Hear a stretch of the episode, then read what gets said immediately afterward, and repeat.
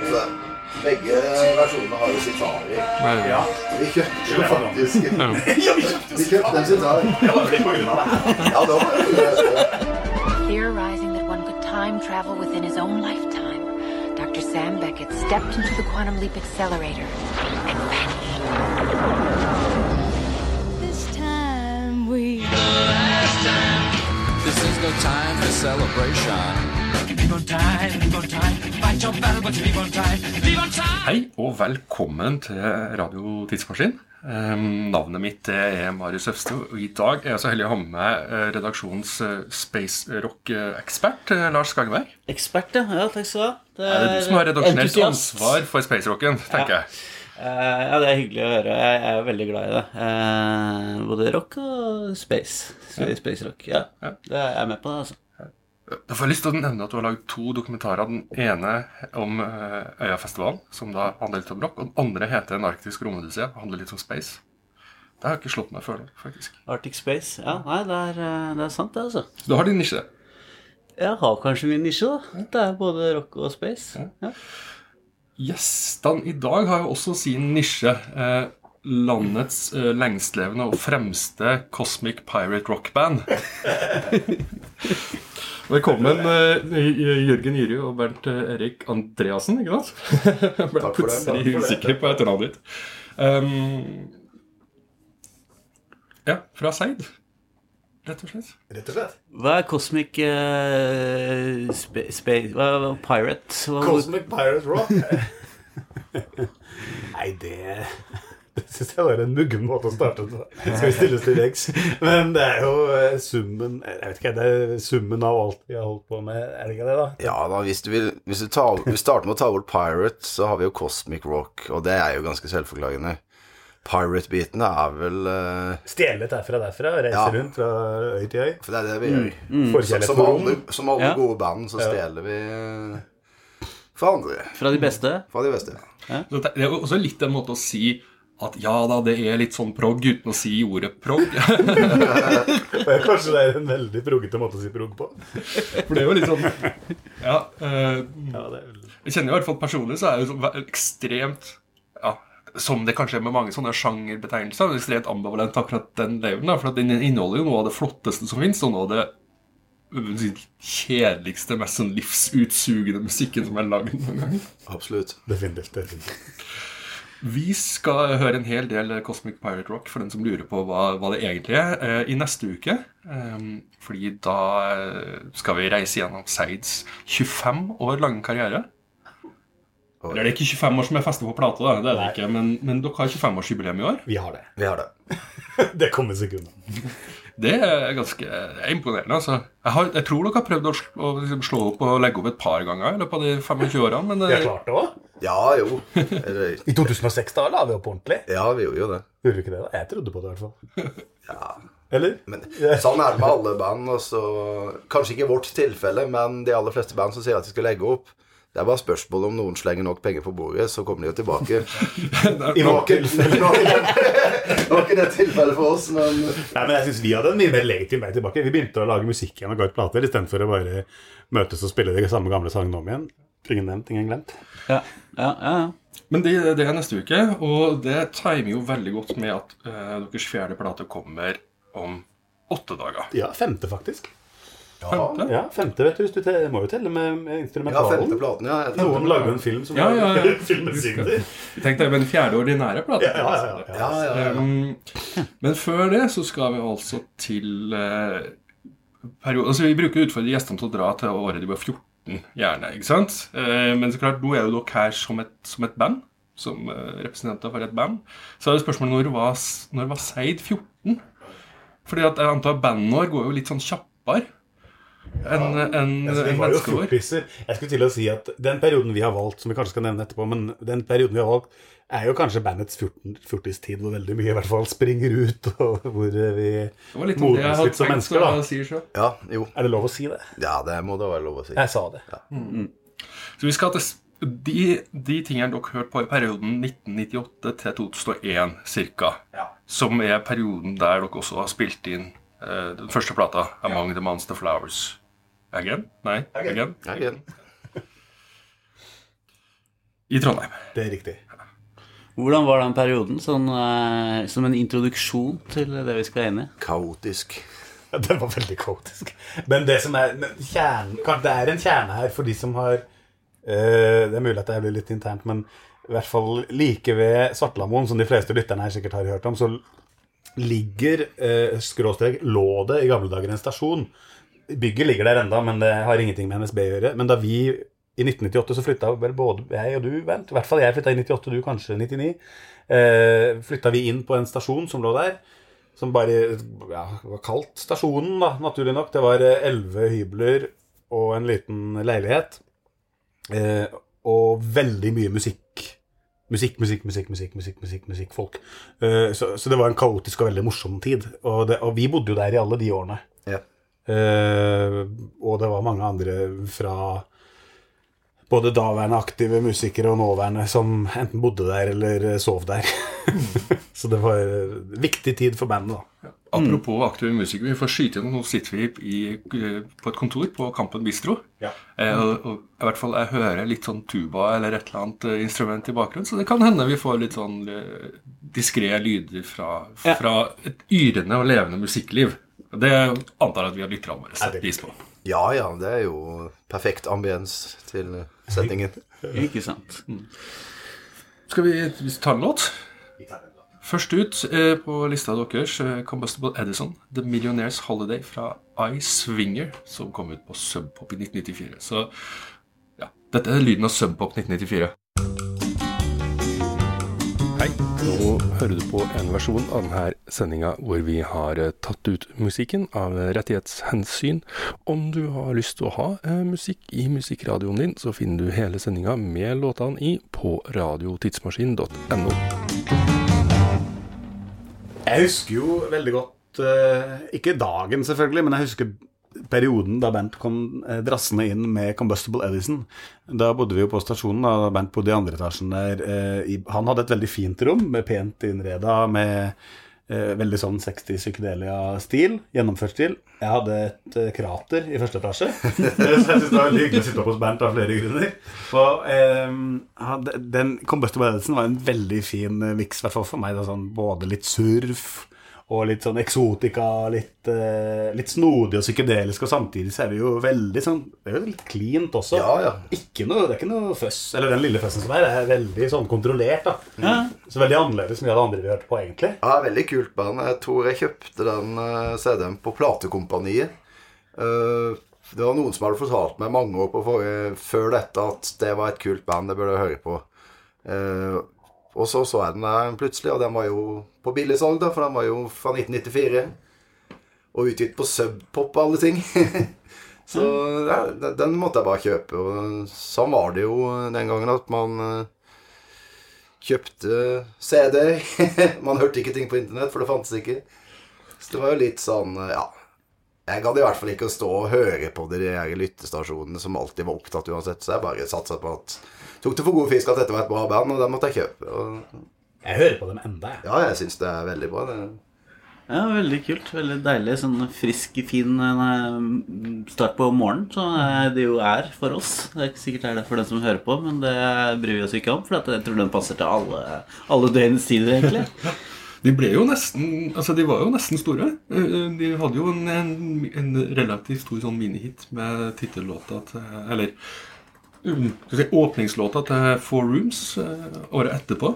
Ja. Den eh, Ja, den heter et eller annet eh, Nonsens. Jeg klarer ikke å huske, eh, eh, huske hva den heter i farten. Nei, jeg står stille her òg, men ja. Noe ja, av Go-Go, tror jeg. Ja, de hadde jo litt filmmusikk der, ja. Jeg tror den her er med på, på CD-en, i hvert fall. Jeg vet ikke om den er med i filmen, men dette var jo soundtrackets gullalder. Der alt mulig rart var inspired by med en eller annen tilfeldig film. Ja, veldig fint.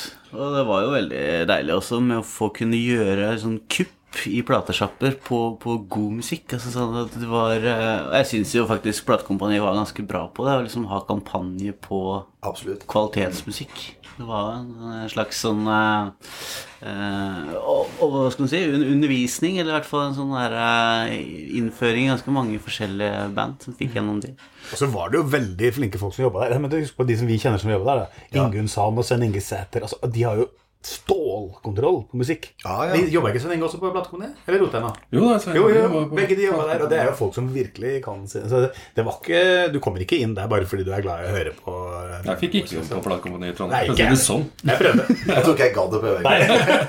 Jeg søkte på jobb, jeg fikk heller ikke jobb. Jeg så alle rejecta! Ja, ja, ja, jeg, jeg hadde hørt om det. Søknadsprosessen her. Det hørtes ut som ja. Det var skjema med sånn trivia og alt sånt. Jeg tror jeg kom gjennom første runde med, med søknadsskjema. Men apropos internett, så slo det meg nå, når jeg gjorde den begrensa Wikipedia-researchen jeg rukket å gjort før den sendinga her, eh, at eh, denne Michael Kuday, som var en sentral i, i Combustible Edison, var en viktig del av min tidligere sånn internettlydopplevelse. For han var grunnla radiostasjonen som fortsatt fins, som heter Luxuria Music. Med sånn nydelig eksotika og sånt internettradio. Det fins fortsatt, men den, altså, den har, jeg har hørt på den på 2000-2001, liksom. På, I denne perioden vi snakker om. ja, ja, ja. Det er perfekt. Da hadde jeg flyttet til, da hadde jeg riktignok flytta til Oslo, men det kunne nevnes at vi møttes jo også i Trondheim Ja. i denne perioden. Litt av 97 til 99 så, så virka og, og jobba vi i student-TV og, og musikkredaksjonen og filma 1000 konserter. Så at eh, vi har nok vært i nærheten av hverandre på Sjøl om ingen av oss selv om vi ikke kjente hverandre da. Etter all sannsynlighet. Det er, eh, det, er, det er fint å tenke på. Hva er det vi eh, Hva er det vi skal videre? Hva er det sånn andre? For det her var jo på en måte et slags sånn ytterpunkt i eh, i, i musikkuttrykk, kan man si. Altså, sånn, det snakka om det at det er, var, var en motsetning til mye annet dere hørte på. Hva er det, hva er det liksom eh, man kan trekke fram for å tegne eh, enda større, finere bilde av eh, deres musikalske inputs på den tida her? Ja Det er absolutt Hva skal man si? Absolutt motsatte må jo bli Monster Magnet, da, som også gikk Altså sånn i kontrast til dette her. Og, og alt mulig annet. egentlig. Det var veldig stor diversitet. Eh, vi tenkte egentlig ikke så veldig mye på hva slags sjanger ting var, så lenge det var bra. Så det gikk fra Combustible Edison til eh, Monster Magnet og egentlig alt imellom. Ja, det mener jeg stemmer for Ja. min del òg, altså. Nå er jo ikke Combustible Edison et 60-tallsband, men det høres jo ut som det kunne vært et 50-60-tallsband. Vi hørte vel egentlig på alt fra 50-tallet til eh, Til opp til den tida som vi nå snakker om. Ja, Dere har jo plukka med, med Monster Magnet, men vi er inne på det. 19 Witches fra eh, Powertrip, som kom i 1998. Stemmer. Den eh, Ja, den Vi hadde jo hørt på Dopes to Infinity-plata ganske mye, og den plata her, Powertrip, var jo på en måte et enda større gjennombrudd for dem. Da var de liksom det feteste bandet i verden. Og de spilte jo faktisk på Roskilde i 1999, da jeg var sivilarbeider. Og da fikk man jo sponsa tur og billett av velferden, så da dro jeg ned for Egentlig mest for å se Monster Magnet, men selvfølgelig også for å få en Roskilde-tur, da, og gratis frokost, og det var Jeg husker det, de åpna faktisk hele festivalen. Og de hadde jo en skikkelig sånn kul, bombastisk intro, da, og bandet kom på å spille, og så kommer Dane Windhoff løpende liksom for å ta Jeg tror faktisk de starta med Powertrip-låta. Og akkurat idet han liksom skal hogge tak i mikrofonen og synge, så dukker det opp en sånn konferansierdude i et sånn helt sinnssykt kostyme og skal ønske alle velkommen. Og jeg ser han bare ser Dane Windhoff bare dør litt og setter seg ned på kne og bare facepalmer. Men det ble en veldig fin konsert.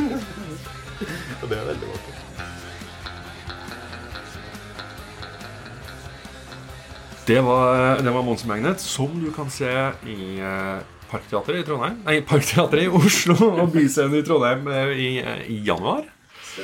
Um, så det er jo fortsatt billetter på begge steder etter det vi kan se på internett, som vi tross alt er ganske glad i, da. Jørgen, du ba om å få introdusere neste Ja, jeg tenkte på Det er jo sånn Jeg sitter med kaffekoppen her og går over i historiemodus. Men er, eh, jeg tror at for, og veldig mange jeg kjenner også har det sånn at en viss periode av livet så preges du veldig av låter, band, kanskje mer enn senere. Det, vet jeg ikke. Sånn er det i hvert fall, i hvert fall min del. Og Den neste låta her er for et band som var veldig, veldig viktig eh, for meg. Jeg tror jeg tør å si for i hvert fall deg og og Arendalseid-gjengen. Absolutt. Um, og jeg husker jo nøyaktig hvor jeg var da jeg hørte den første gang. Eh, jeg satt på kne eh, ved siden av scenen i det som nå er en veldig fin eh, eh, et fint galleri i Arendal som heter Bomullshallen. Som den gang var eh, het bom, altså Det heter kanskje Bomullsfabrikken nå, forresten. Men det var en nedlagt bomullsfabrikk. Og vi eh, var med eh, en annen veldig viktig del av omgangen vår, som var Arendal Rockklubb, og få lov å arrangere festivaler og den slags. Vi var med og arrangerte festival som het Flattjernfestivalen. Veldig gøy. Vi hadde Motorcycle som headliner. Hæ? I seg sjøl fantastisk. Men det som jeg husker eh, i forbindelse med det her, var at jeg satt på kne og hørte Arendalsbandet Smell of Vincents spille en coverlåt. Eh, og jeg var helt satt ut over det. Det var særlig den gitarmelodien som jeg syntes var så utrolig vakker. Og det var det som jeg husker det fortsatt den dagen. Jeg satt ved siden av scenen og var helt sånn fjetra. da Og at åh, det er så jævlig fint. Eh, At det var lov å gjøre sånne veldig pene ting òg. Jeg tror det var kanskje litt det òg. Man må ikke bare være tøff og sint. Det er veldig greit å gjøre kjempefine ting. Eh, Jeg tror det var noe så banalt. Men så var det bare fint. Så var det hele greia å være med og lage festival, og Motorcycle var der. Og ja, nei, alt var perfekt. Da jeg hørte den låta 'Visit with um, Ashia', eller Ashiva, kalte jeg den i alle år. Jeg, jeg ikke jeg. Ashia, ja, ja. Den, Vi, altså, vi visste jo ikke at det var en coverlåt da, og de gjorde jo ikke noe poeng ut av å annonsere det heller. Men uh, det fikk man jo vite i ettertid, og det gikk veldig mange år før jeg faktisk fikk hørt originalen. Absolutt. Nok en gang pga. mangelen av internett, og man måtte faktisk ha den på et medium. Så jeg tror ikke jeg hørte originalen uh, før i den her perioden som vi har valgt å si Trondheim. Da jeg, jeg kjøpte en sånn samleplate med psykedelia, og der var originalen. da. Og da slo det meg hvor eh, jævlig bra Smell of Incense sin eh, versjon var, for den er jo helt annerledes. de Den er laget litt sin egen ja. versjon av veldig sin. Det er ikke bare copy-paste, altså. Nei, absolutt ikke. Den uh, Smell of Incense er vel egentlig ganske rocka i forhold. Ja. Mer elektrisk. Og da skal vi høre begge to back to back. Vi skal få de back to back. Uh, så vi, vi starter med, med Mest of Vincents sin versjon. uh, fra 1990, hvis jeg ikke husker helt feil. 93 eller 94 Nei, 92. Det er det eneste året jeg har glemt å faktisk skrive opp Ja, nei, eh, altså, på arket mitt. Jeg måtte jo faktisk spille, lage en MP3 av singelen min. Ja. Uh, de hadde den ut på singel Jeg tror singelen kom i 93 eller 94. Originalen er fra en demokassett som jeg fortsatt har liggende i Arendal, fra 92. Men de pynta litt på den eh, med vakker kvinnesang og sitar før de hadde den ut på singel. Og så vidt jeg kan forstå det eneste de har gitt ut. Nei. Nei, Nei da. nei, Det er mye. Masse, de har gitt ut én singel til i tillegg til denne, og en titommer EP som er splitt med et band som heter A Thorough Counterbalance. Og så har de gitt ut Er det tre eller fire LP-er? Ja. Ja, så der mye. fins det litt å ta i for den som, Ja, ja, ja, eh, den som har lyst til å samle. Absolutt. Og den er egentlig forholdsvis representativ sånn i uttrykk, da. Ja, det Selv om de har selvfølgelig på skivene eh, en del låter som er mye mer eh, Som er lengre og mer sånn atmosfærisk, og det er ordentlig psykedelia-band. Ja. Og, og et lite ørlite fun fact på tampen der. Mickey Moog og Jørn Raknes, hva kaller Jørn Rake seg? Uh, Ernie Chung. Ernie Chung ja, har jo deltatt på i hvert fall to-tre sideplater. Ja, det har de. Inkludert den ferskeste.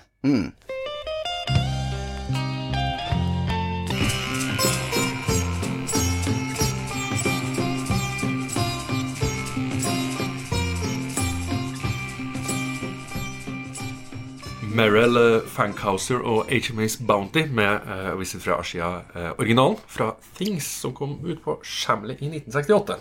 For å være litt sånn Harald Are Lund. Pass på å si alle labelene. Noen må Hvordan gjøre det. føltes det her å høre, høre dette her, ja?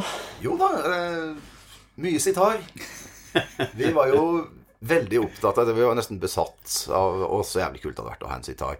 Og så, det var ikke lenge etter at vi flytta til Trondheim, så en litt sånn kald eh, høstdag, så satt det plutselig en kis på Trondheim Torg med en sitar.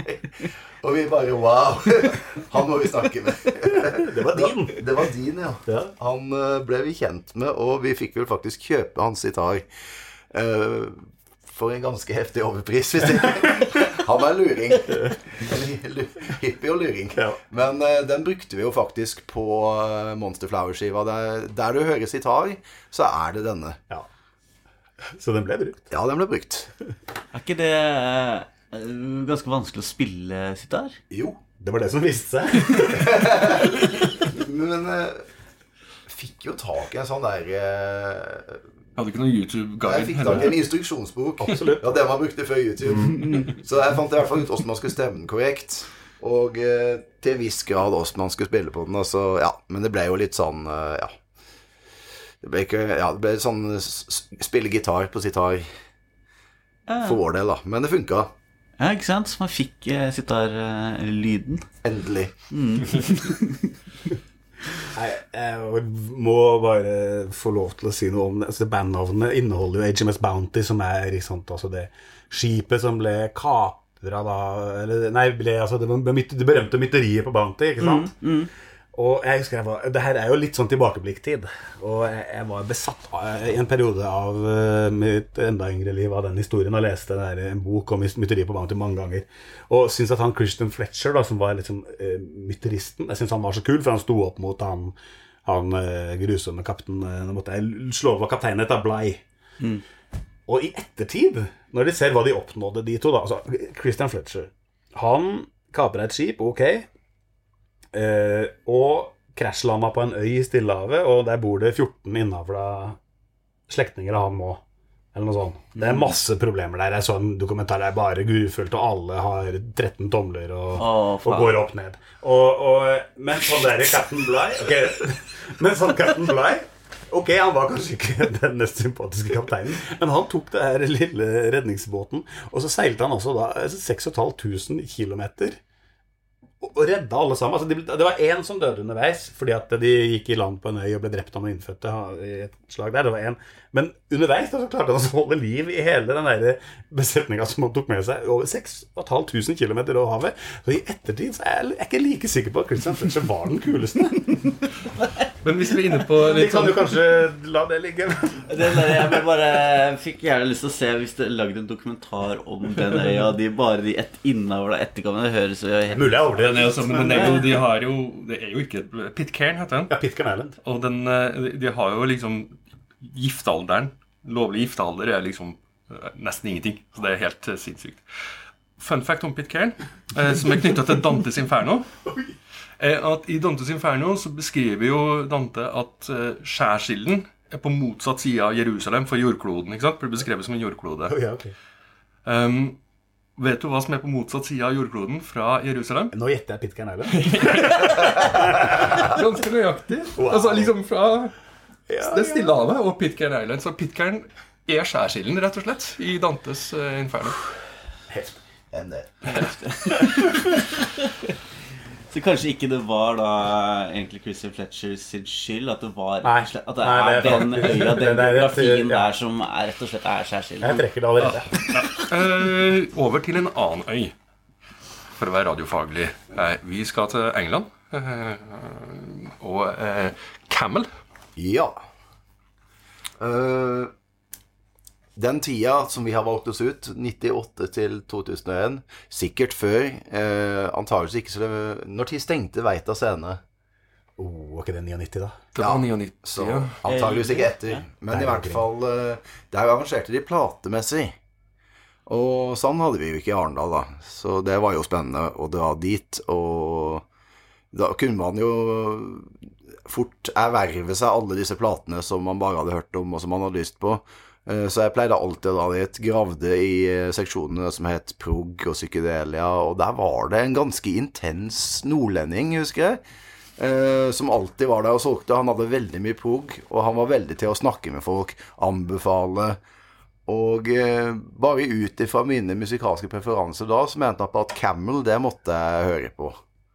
Og så solgte han meg en plate som het Flight of the Snow Goose, som var egentlig ganske rolig, men veldig fin, og med veldig utstrakt bruk av passasje mellom låtene.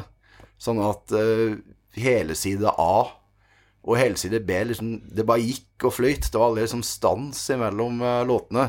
Det syns jeg var veldig stilig, og det har jo vi på mange måter adoptert inn i seg, da. Vi er veldig glade i å la ting eh, flyte, gjerne gjennom en hel side. Men anyways, han hadde jo da laga sånn der eh, fansigns nesten, da, med informasjon. Rett og slett prog og psykedelia informasjonshefter, for dette var nok en gang før internett, og man måtte hente info og utdannelse der man kunne. Så da ble det jo til at eh, det ble investert over et par år i alle vinylene. Eh, altså de gode vinylene til Camel. Altså det er vel en, snakker vi en periode fra et par og 70 til eh, 6-77, før det blir eh, Ja, det, det er nok et band som etter hvert blir grusomt og kjedelig. Men uh, akkurat den perioden er veldig fargefull, uh, uh, original, fantasifull, for det meste instrumental prog. Og her er jo det, altså, av det dere har plukka, tydeligste prog-bandet. Ja, absolutt. Og den låta her er vel kanskje Ja, den er jo vel Skal eh, jeg husker vi hørte mye på den i bilen når vi var på turné. Det var en av En av CD-ene vi hadde med oss. Er, jeg vet ikke, jeg syns det er et kult lydbilde. Mye fete synter. Mye kule taktskifter. Ja. Vi jeg mener vi hørte på den på første turen til Hamburg, som var 2001. det. Så, god skitt. Så da får folk se for seg Hva slags bil var det som dere kjørte Hamburg med? det var en Hiace. Det var selvfølgelig en Hiace, Hiace. ja. Og det regner jeg med. Av folk. Så se for, for lytteren se for seg Hvit stappa full av folk på vei til Tyskland i eh, 1990 Nei, 2001. 2001. Eh, I hvert fall så blir det Freefall, Freefall fra Mirage av Camel. 1974.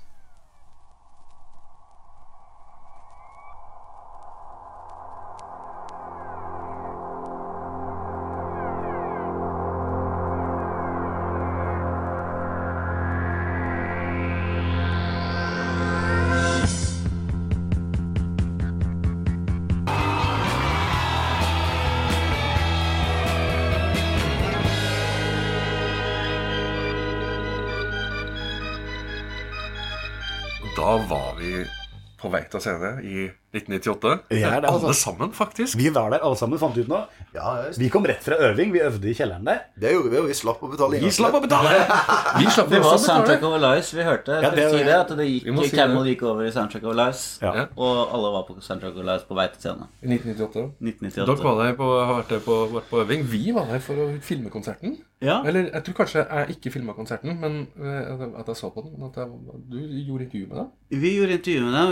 Vi kom opp på, på backstagen til Soundtrack of Lives. Og jeg hadde jo ikke sett disse her før. Vi hadde hørt på platene, men det var jo ikke noen bilder av de på, uh, i platecoverne eller noe sånt. Så eh, vi møtte to av de, og så, og så var de sånn 'Kom igjen, skal du være med?' Ja. Og så sitter det en sånn svær fyr borti sofaen bare ja, jeg får være med. Og så var det Ebbot selvfølgelig som tok mikrofonen og holdt egentlig litt sånn standup-show i, i kamera og bare leverte oss uh, gull. Jeg husker jo en ting han sa, at eh, vi, det, for det her vi hørte på nå, var Let It Come Alive fra Extended Relevation for the Psychic Weaklings, for the Psychic Weaklings of Western Civilization. Som da kom ut i 1998. Eh, og da sa han at vi er ute og promoterer denne platen, og det er jo bare tull, for vi skal gjøre om den. Den er verdløs. Skulle være sjokkert over å se den hvis jeg sa var tøff, liksom. Hva, hva, er det han vidt, så vidt jeg vet, så gjorde de ikke om den, altså. Nei, ikke, jeg vet ikke. For det er andre skiva deres, ikke sant? Det er andre skiva. Ja, jeg syns det er veldig bra. Ja, det syns jeg også. Men det var jo et eller annet som han kanskje hadde hengt seg opp i med noe i Ja, sånn er det jo eller- veldig ofte når du har spiller inn en plate, og du har hørt den en million ganger. Og så når den endelig kommer, så er du drittlei av den og liksom bare fokuserer på alt du er misfornøyd med. Mens alle andre syns jo veldig ofte at det er veldig bra, for de har jo ikke hørt det før da. Nei, ja, det er helt riktig som du sier. Så ganske sånn eh, Hva skal vi si frisk Friskt da å gå ut Ja. og, og slenge dritt om den plata. Dette var jo et band som eh, i hvert fall for vår del hadde veldig mye å si for uh, livebiten. da. Vi visste jo ikke at det var konsert engang, for når man øvde på vei til Kjellernes, så gikk man inn fra ja, rett og slett fra Veita. Fra Veita ved siden av. Den, eh, ja, eh, man gikk inn på ground floor og ned i kjelleren. Eh, og så når vi var ferdig med øving, så hørte vi at det var konsert oppe. Jeg kanskje gå og kikke da, og kom opp og fikk hakeslepp. For ikke bare låtebad, de så jævlig kule ut. De, de var De så ut som et rockeband. Oppførte seg som et rockeband. Og da mener jeg å huske at vi gikk litt i oss selv. Gutter, kanskje vi skal tenke litt på det også når vi skal holde konsert. Ja, for de stilte i Var det da hele bandet stilte i sånne hvite kjeledresser, bortsett fra Eibot, da, som hadde kjortel, selvfølgelig. Det kan være. Jeg husker jo først og fremst at bassisten sto kontinuerlig med ryggen til med svære sånne jævla Sånn 70-talls-headset. Ja, øreklokker på seg. Store klokker. Ja, ja. Jeg bruker det har jo vært som et av liksom, kvalitetskriteriene for et, et bra band. Det at det skal se ut som bassisten spiller et annet band enn resten. Det er alltid et godt tegn. Når, når bassisten er liksom ikke bryr seg om hva de andre driver med. i det hele tatt. Det tror jeg kan funke som overgang til neste band. altså Ja, Jeg vet ikke, jeg skal ikke overta. Jo, nei, men det er eh, flott. Det jeg tilbyr det. det er, jeg skal ikke gjette engang. Jeg kan eh, la deg bare få spille den over. Er bassistrelatert? Eh, Ja, det er jo meget bassiststyrt. Et, et band som farga i hvert fall min, den tida der eh, ganske kraftig for min del. Og det var jo fordi du kom drassende hjem med det fra Var det Danmark? Ja, fra Danmark. Ja, Og etter å ha sett noe video Ja, eh, så Primus eh, med eh, Det var vel Jerry Was a Race Car Driver-videoen fra Sailing the Seas of Cheese. Og da var jeg på ferie i Danmark.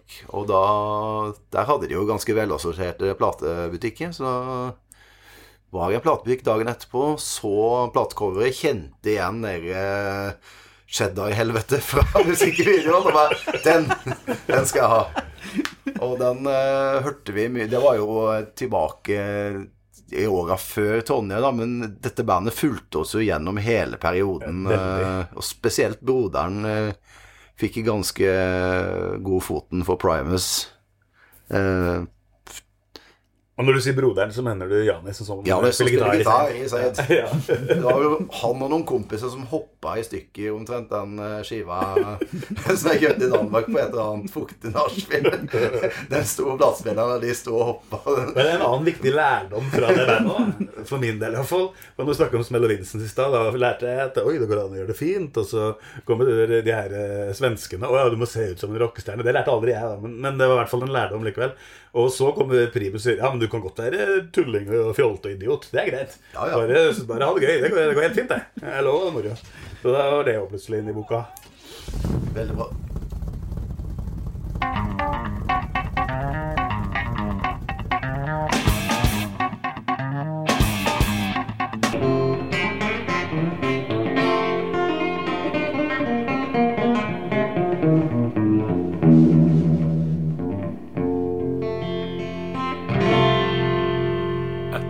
Primus så fikk vi 48 sekunder med Sleep uh, Some Grass fra Sleeps Holy Mountain.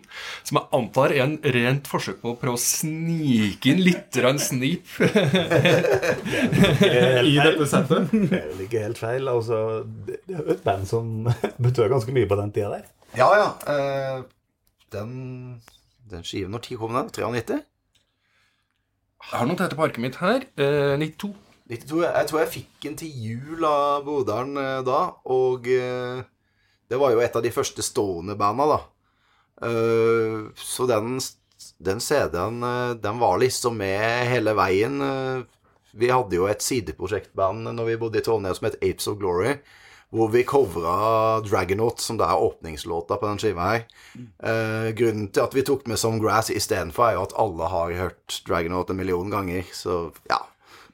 Eh, Vi, vi, har jo, vi, vi har jo litt sånn Vi fant jo ut Når vi satt og skravla der i forkant, du og jeg, så fant vi ut at vi har jo en slags historie med det bandet på den måten at vi, vi har jo faktisk spilt sammen High on Fire. Det har vi. Vi spilte På jo på Tautra-festivalen eh, samme år som High On Fire. Det vi også oppdaga da vi skulle gå tilbake i historien, at da de spilte, så var vi opptatt med å Vi speilvendte backstagen. Backstagen var en liten hytte inni skauen bak scenen. Og eh, jeg vet ikke helt Jeg hadde sett et par-tre låter med High On Fire. Syns det ble litt sånn uh, ensformig, kanskje. Gikk for å Hvor, liksom, hvor er resten av gutta? Altså, i, av en eller annen grunn så gikk jeg inn i skauen. Jeg vet ikke om jeg skulle pisse eller hva. Men så plutselig så jeg den her lille hytta. Da, så der var jo alle gutta. Og eh, Jeg husker veldig godt Vi var travelt opptatt med å ja, vi, vi, flytte alt sånn at det skulle stå uh, helt motsatt av hvordan det sto. Så Du skulle ikke rasere noen ting, vi skulle bare ombygge Ja, vi var speilvendte. Alt, hele- alt inni deg. hele skitten. Og det var jo veldig hyggelig, men det tok jo litt tid, lengre tid enn vi hadde trodd. Ja, det var, det var prosjekt. Det var, det var lite, det var trangt, og da måtte noen møbler måtte liksom ut Vi skulle døra. måtte ut med kjøleskapet. Så Så det ble jo veldig mye Og dermed så gikk, røyk jo faktisk hele den her følelsen for min del. Men eh, det skulle vært morsomt å sette trynet på det når, hvis de kom tilbake til den Jeg kan aldri se for meg at de la merke til det. Men, men hvis jeg, altså, jeg var jo ikke, jeg ikke alltid, det, det er også som skjedde som relatert til det her. Da, som jeg sette, I sommer så, så, jeg High and Fire på Sto og kosa meg med dem på, på øya. Ja. Og så sier jeg til kompisen hennes ja, Håvard Gjelseth, faktisk, som, som har laga flere av coverne våre. Men ja, han, så sier jeg Han er som spiller gitar og synger han er, altså, han er så jævlig lik han derre fyren i Sleep. og så står bare og ser på meg. Uh, altså, Kødder du med meg nå? så, så da først gikk det opp for meg at det var samme kar. Nettopp. Noen av oss visste det hele tiden. Ja. Det var det jeg spurte om. har dere visst det her hele tiden? Det hadde vi. Så Sleep eh, i år. En av de få konsertene jeg har kommet med på i, i år eh, her i Oslo. Eh, det var veldig bra når det var bra. Og så var det ikke alltid like bra. Det får jeg være ærlig på. Altså, det var jo litt sånn Uten, uten å helt klare å sette på fingeren på det, så var det liksom kanskje noe med at, at er sånn konsertopplevelse som helhet ikke helt satt helt sammen, da. Men, det, men enkelte låter løfta jo lufta jo taket. Altså, jeg er nok i ettertid, er nok ettertid faktisk mer glad i High on Fire, eh, noen av skivene der, enn Sleep. Men Sleep har betød mer på den Ja, tida altså Sleep har eh, hva hva er det man sier? Første gang i rang. Ja. Jeg oppdager jo nylig at de lagde jo faktisk en slags musikkvideo til Dragonaut som ligger på YouTube. Og det er det jo Altså, det er jo eh, det som de holdt på med i 92. eh, den musikken, musikkutstyret ikke minst, svære Hivat, Orange eh, og Marshall Stack, digre trommer og liksom, Det er det som veldig mange band fortsatt oh, ja. dyrker, da. Altså, det, er det som er greia. Men Sleep var liksom helt i teten på den greia der. Da eh, Altså, se på hva som var på, på, på listene. Selv innen rock eh, på, i 92. Det, det, det er ganske fislete greier. På. Dette var de rimelig hårete. de er er stoner rockens Velvet Underground, liksom. Ja, Det er, veldig... det er sånn åpenbart eh, ja, Ting skjer jo ikke i et vakuum, og det er ikke bare ett band, men det er åpenbart at de har forma eh, veldig mye av det som har kommet i, langt mer inn i mainstream også, Ja. i liksom mange, mange år etter. Ja, Det var morsomt da jeg så den videoen med Sleeps. Det, det, altså, dette er Hvor lenge er det siden? nå? Er 92? Er Dritlenge. Dritlenge siden. Men det kunne like gjerne vært eh, filmet og, og lagt ut uh, på YouTube i fjor. Det var det som slo meg, da. Det er sånn uh, estetisk sett. De står liksom bare inne i eh, en garasje eller et eller annet øvingsrom eh, med masse stæsj og spiller og Ja, hva skal man si? De ser liksom ut som eh, litt sånn slacker-hipstere anno 2017-18. Men vi skal, vi skal skifte gir litt, og vi skal tilbake til 1999. eh, og til et band som kanskje høres såpass 1999 ut at de kanskje ikke er like udatert, i hvert fall. på, på, på godt og vondt. Kanskje mest godt, egentlig. Eh, men eh, Add N to X skal vi høre. Skal vi jo til eh, mellomveien 100. Ja, stemmer det. Hundrehuset. Ja, Hundrehuset. Der bodde jo annet Jens Ledal, en eh, kunstner nå, med veldig mange kule prosjekter. Han var jo kunstner da òg, selvfølgelig. Men, eh, nei, han var jo den som brakte Adent X inn i livet med håret, tror jeg. jeg. Det stemmer. Han hadde kjøpt CD-en samme dagen som det var fest der. Ja. Jeg tror jeg var første innei, Eh, unnskyld, Mellomveien 100-fest. Innherredsveien, Innherreds- Ja, det var det, ja. Ja, ja. Men Hundrehuset. Hundrehuset. For de som Ja. ja, kjenner Nå er det jo, nå er Det det er jo borte. jo Ja, det er borte vekk. Eh, Men eh, veldig mange fete fester der. Jeg gleder meg veldig. Ankom tidlig. Og der var vel egentlig bare Jens som sto og lagde oksehalesuppe på kjøkkenet, og den skiva gikk i bakgrunnen, og det var bare helt fantastisk. Ja, den hørte, vi, den hørte veldig mye på da. Og den, det er et, ganske annen retning enn det vi har hørt på, på Ja. så langt. da, Men det var veldig, hørte mye på der. Plukker det opp jevnlig nå også, er jeg fortsatt glad i det bandet, Ja, egentlig. mm, det er veldig, veldig kul musikk, og det er ikke Mye synte. eh, mye synte og mellotron og alle de Og tingene live trommis, er det det? Ja. Er det Ikke eller? Det er både og, men det er, liksom, det er, litt, det er litt mer rocka enn elektronisk musikk eh, pleier det å være da. Men hvis vi kan koble til Seid, så er det kanskje lettere å koble det til de to, to siste platene enn de to første. Ja. Ja, det er nok helt uh, riktig, ja. Eh, Så det er sånn sett så kan du si at det fortsatt er med oss. Vi blir ikke kvitt. Absolutt. Men vi skal til, vi skal til Avantard og uh, Revenge of the Black Regent. Eller Revenge of the Black Reader fra Avantard, som da kom på Mute, faktisk, i 1999.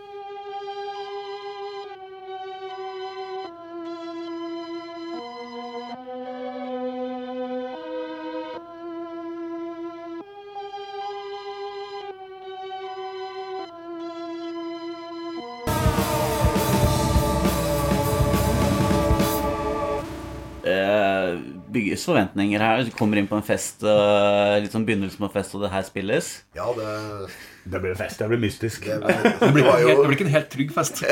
Nei, det, det er sant. Det, det, var, det var et mystikkens hus. Og, Ja, absolutt. Men det var jo veldig gøy. De hadde jo også, det var jo sånn som vi sjøl også gjorde på den tida av og til. Vi hadde jo altså, I den samme perioden var vi med å lage stasjonsfestival der vi bodde.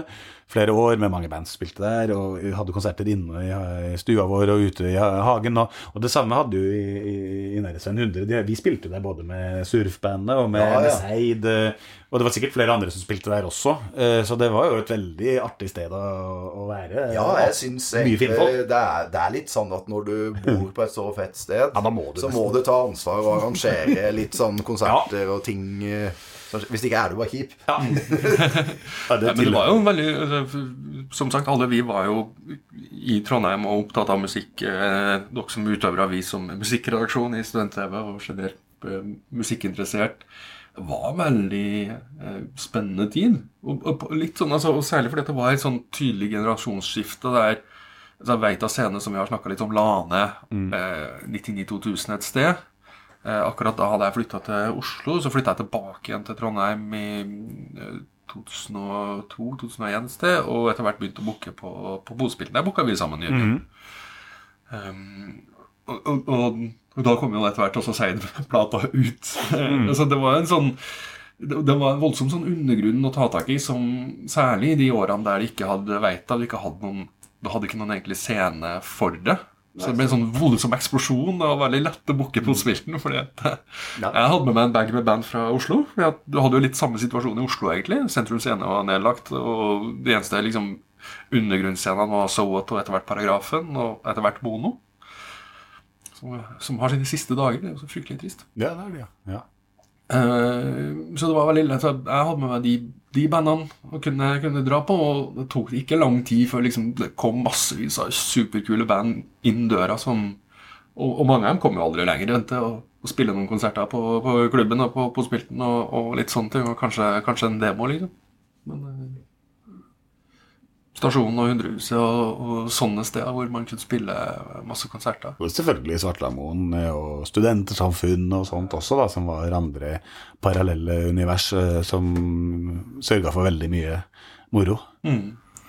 Men hva er det, for det er jo litt med den der størrelsen og sånn, trenger ikke å ha en stor scene eller uh, lys eller sånn, sånn der, uh, masse folk for liksom, å få utløp for å kunne stå på en scene og spille. Kanskje at det også betyr litt at det er et litt sånn lite rom foran en liten gruppe mennesker som virkelig er interessert i å høre. Hvordan opplever det, de, opplevde dere de små romma, på en måte? Vi var jo Jeg tror det- det var en helt Det er jo et Eller det ser jeg jo på i hvert fall min omgangskrets, så vil jeg si at det var et ganske sterkt fellesskap, da. Så veldig mange av de menneskene jeg kjenner og er glad i i dag, eh, har en eller annen kobling til stasjonen. Eh, veldig mange mennesker jeg fortsatt har kontakt med. Eh, nå snakker jeg bare for meg sjøl her, jeg vet ikke, men altså, det var jo og, og, og, folk, Det var jo ikke bare vi som sto på scenen som var glad i Stasjonsfestivalen. Jeg tror i og med at det kom såpass mye mennesker og, hang ut der, så var det vel Folk kom vel sikkert for banda, men også for å bare henge ut og ha livemusikk som et soundtrack til eh, en god fest. Eh, ikke sant? At det var, Og det å stå og ha en fest inne i en stue er noe annet enn eh, på et utested, naturlig nok. Så, sånn at det er noe med det, det føles kanskje litt friere. Litt, Absolutt. Og for banda òg, selvfølgelig. Det er ikke så veldig høytidelig, akkurat. Selv om det var jo ordentlig. og eh, Bra rigger og gode lydfolk. og det var liksom... Men, men jeg tror det er vel noe med det. En slags sånn frihetsfølelse også, som er ganske sterk oppi der. Vi, ehm, Vi, vi har to låter igjen, så vi skal ikke si at vi nærmer oss slutten enda. Vi nærmer oss eh, starten på slutten. Men eh, også en litt sånn utypisk eh, låt i, i sammendraget her. Vi skal til eh, eh, Få hjelpe meg med uttalen, Jørgen, selv om det er brasilianer. Ja, altså, jeg ville bare sagt Amon Tobin, jeg. Ja. Satt og sa på trønder. eh, for meg så kommer han fra, fra Toten. Han er Amon Toten. Det er Amon Tobin. Veldig trivelig kar. Eh, Det var kanskje ikke så bra totning. Men, eh, men det var, han kom jo også inn i livene våre rundt den tida der, eh, 98-ish. Ja. Via ja, gjennom en Arendalskompis Helge Lunder, antageligvis. Ikke at det er så viktig for noen, men, eh, men eh, det er jo en mer sånn hva, En sånn eventyrverden med litt, og litt drum and bass og litt sånn eh, Jeg vet ikke helt hva det var som fenga meg med det der. Jeg husker jeg bare hørte det i Han- stykker, den Ja, han var veldig flink på å sample kule ting. Bruke mye gammel jazz og eksotika. Og veldig nitidig på å programmere Ja. trommer. da, Du hører at eh, han har ikke bare slengt det sammen en masse beats. Det, det er gjennomtenkt. Eh, det sitter veldig bra. Og så er det jo Hva skal man si? Det er Jeg tror jeg ga, jeg ga et uttrykk Eller det var et sånt uttrykk som var veldig langt unna det som vi opplevde live. Og nå kanskje jeg kobla det på live fordi vi akkurat snakka om det, men fordi vi var jo ikke i stand til å høre sånn ut. Nei. Ikke sant? Det var noe helt annet. Og det er jo ofte veldig gøy å høre noe som bare Det var en helt annen verden, da. Ja. For min del. Også gitt ut på Mute, for øvrig. Det. Eh, akkurat like som, eh, som Add N2X. Så, eh, en, ja, Permutations fra 1998, eh, og vi skal høre Nightlife.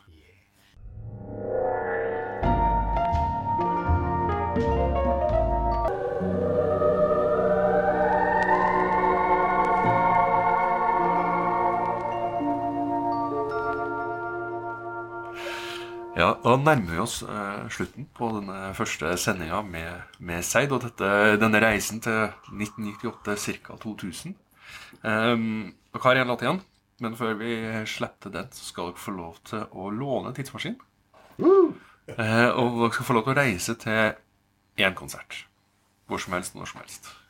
Ja, og da, da kan vi kanskje Må vi bli enige om én som vi begge vil dra til? Eller kan, Det, det er umulig. kan vi dra til hver vår? Jeg tar hver deres, da. Ja, vi Hvis har det er umulig, så skal vi ikke Er det Hvis det er Liksom, vi kan jo kunne kjøre Ja, ja, ta hver deres.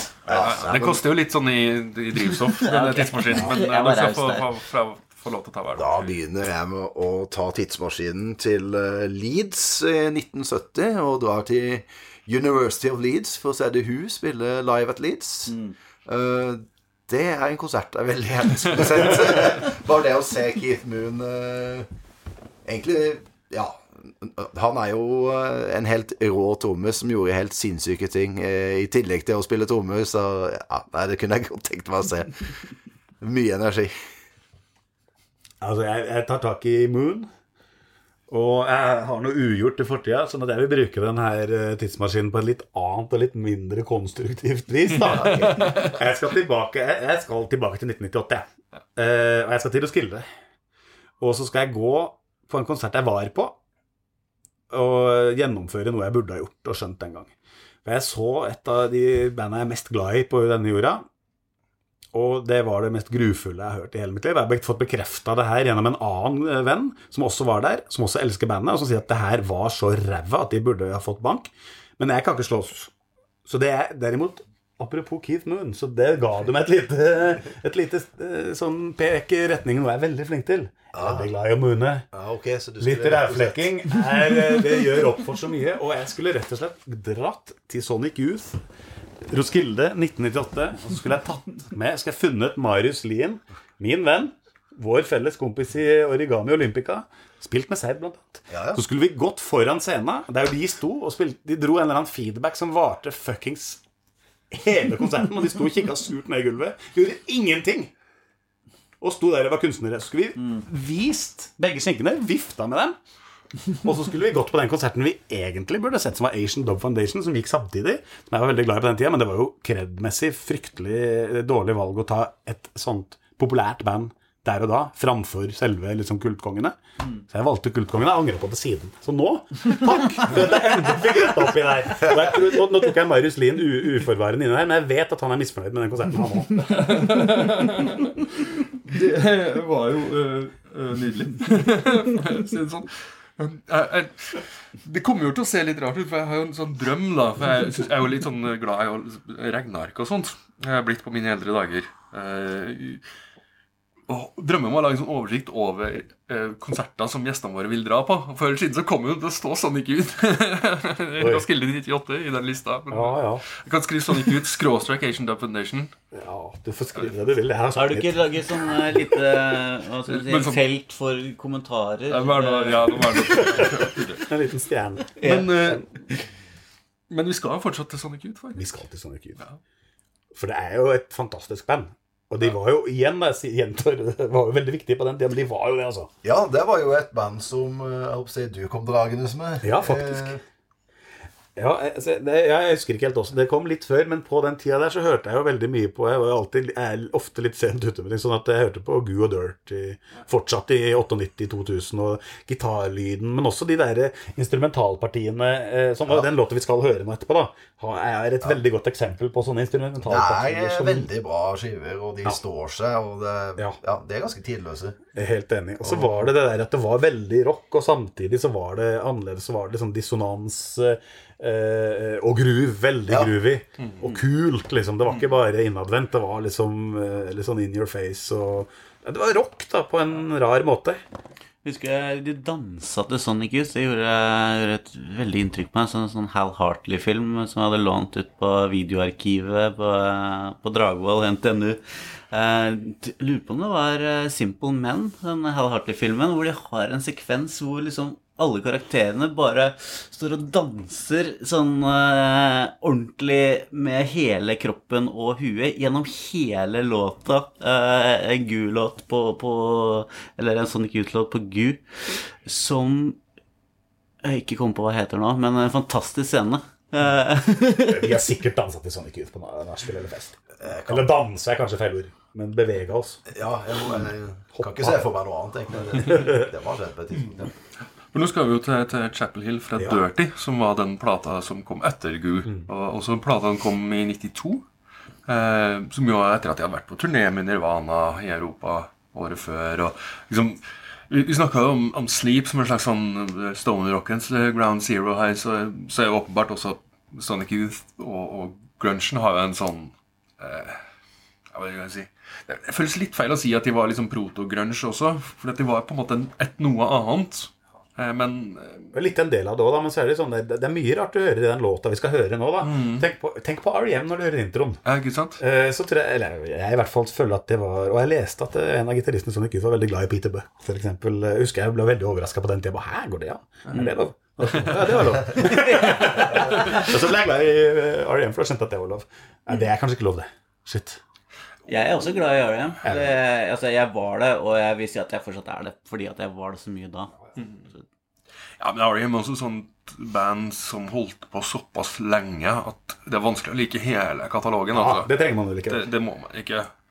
Men uh, det er også et band som på et eller annet tidspunkt tenkte at de har i hvert fall vært flinke til å slutte. De har klart å slutte ganske lenge nå.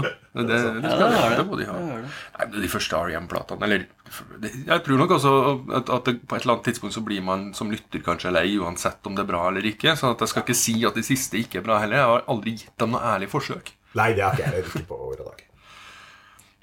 Men uansett befriende at uh, Sonic Youth som med sånn uh, skal man si uh, De var foregangspersoner innenfor en litt sånn her uh, Kanskje litt sånn anarkistisk tilnærming innen rocken. Også på en måte hyller sine pop-referanser. Ja, ja. Det er veldig fint. Og det hjelper på en måte til liksom, å lage litt sånn fint eh, fin, fi- Fint eh, referen referansesamfunn.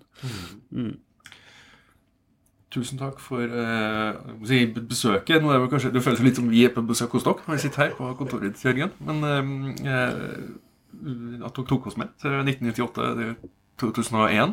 Tusen takk for turen. Eh, Vi eh, er tilbake neste uke, eh, men eh, avslutter den sendinga her med Chapel Hill fra Dirty, som kom på eh, DGC, som er en sublabel til Geffen. Visstnok, ifølge Wikipedia, som all researchen har gjort, så ble eh, Sonic Youth litt sur når de oppdaga at de hadde nettopp signa til Geffen, og så kom det ut på DGC og ikke på Geffen. Men DGC er David Geffen Company? Det står for David Geffen Company, men det, det var vel noe Ja, ikke sant. Det var Sånn stor. Shell Company. Ja, hvem vet hvor mange, altså, hvor mange selsk- plateselskaper har Geffen hatt på et eller annet tidspunkt? Det aner jeg ikke. Postboks Bahamas. Produsert av uh, Butch Vig. Også. Som produserte for eksempel Nevermind. Men, de men ja, takk, takk for nå. Takk for tur. Vi ses igjen neste uke. Vi ses.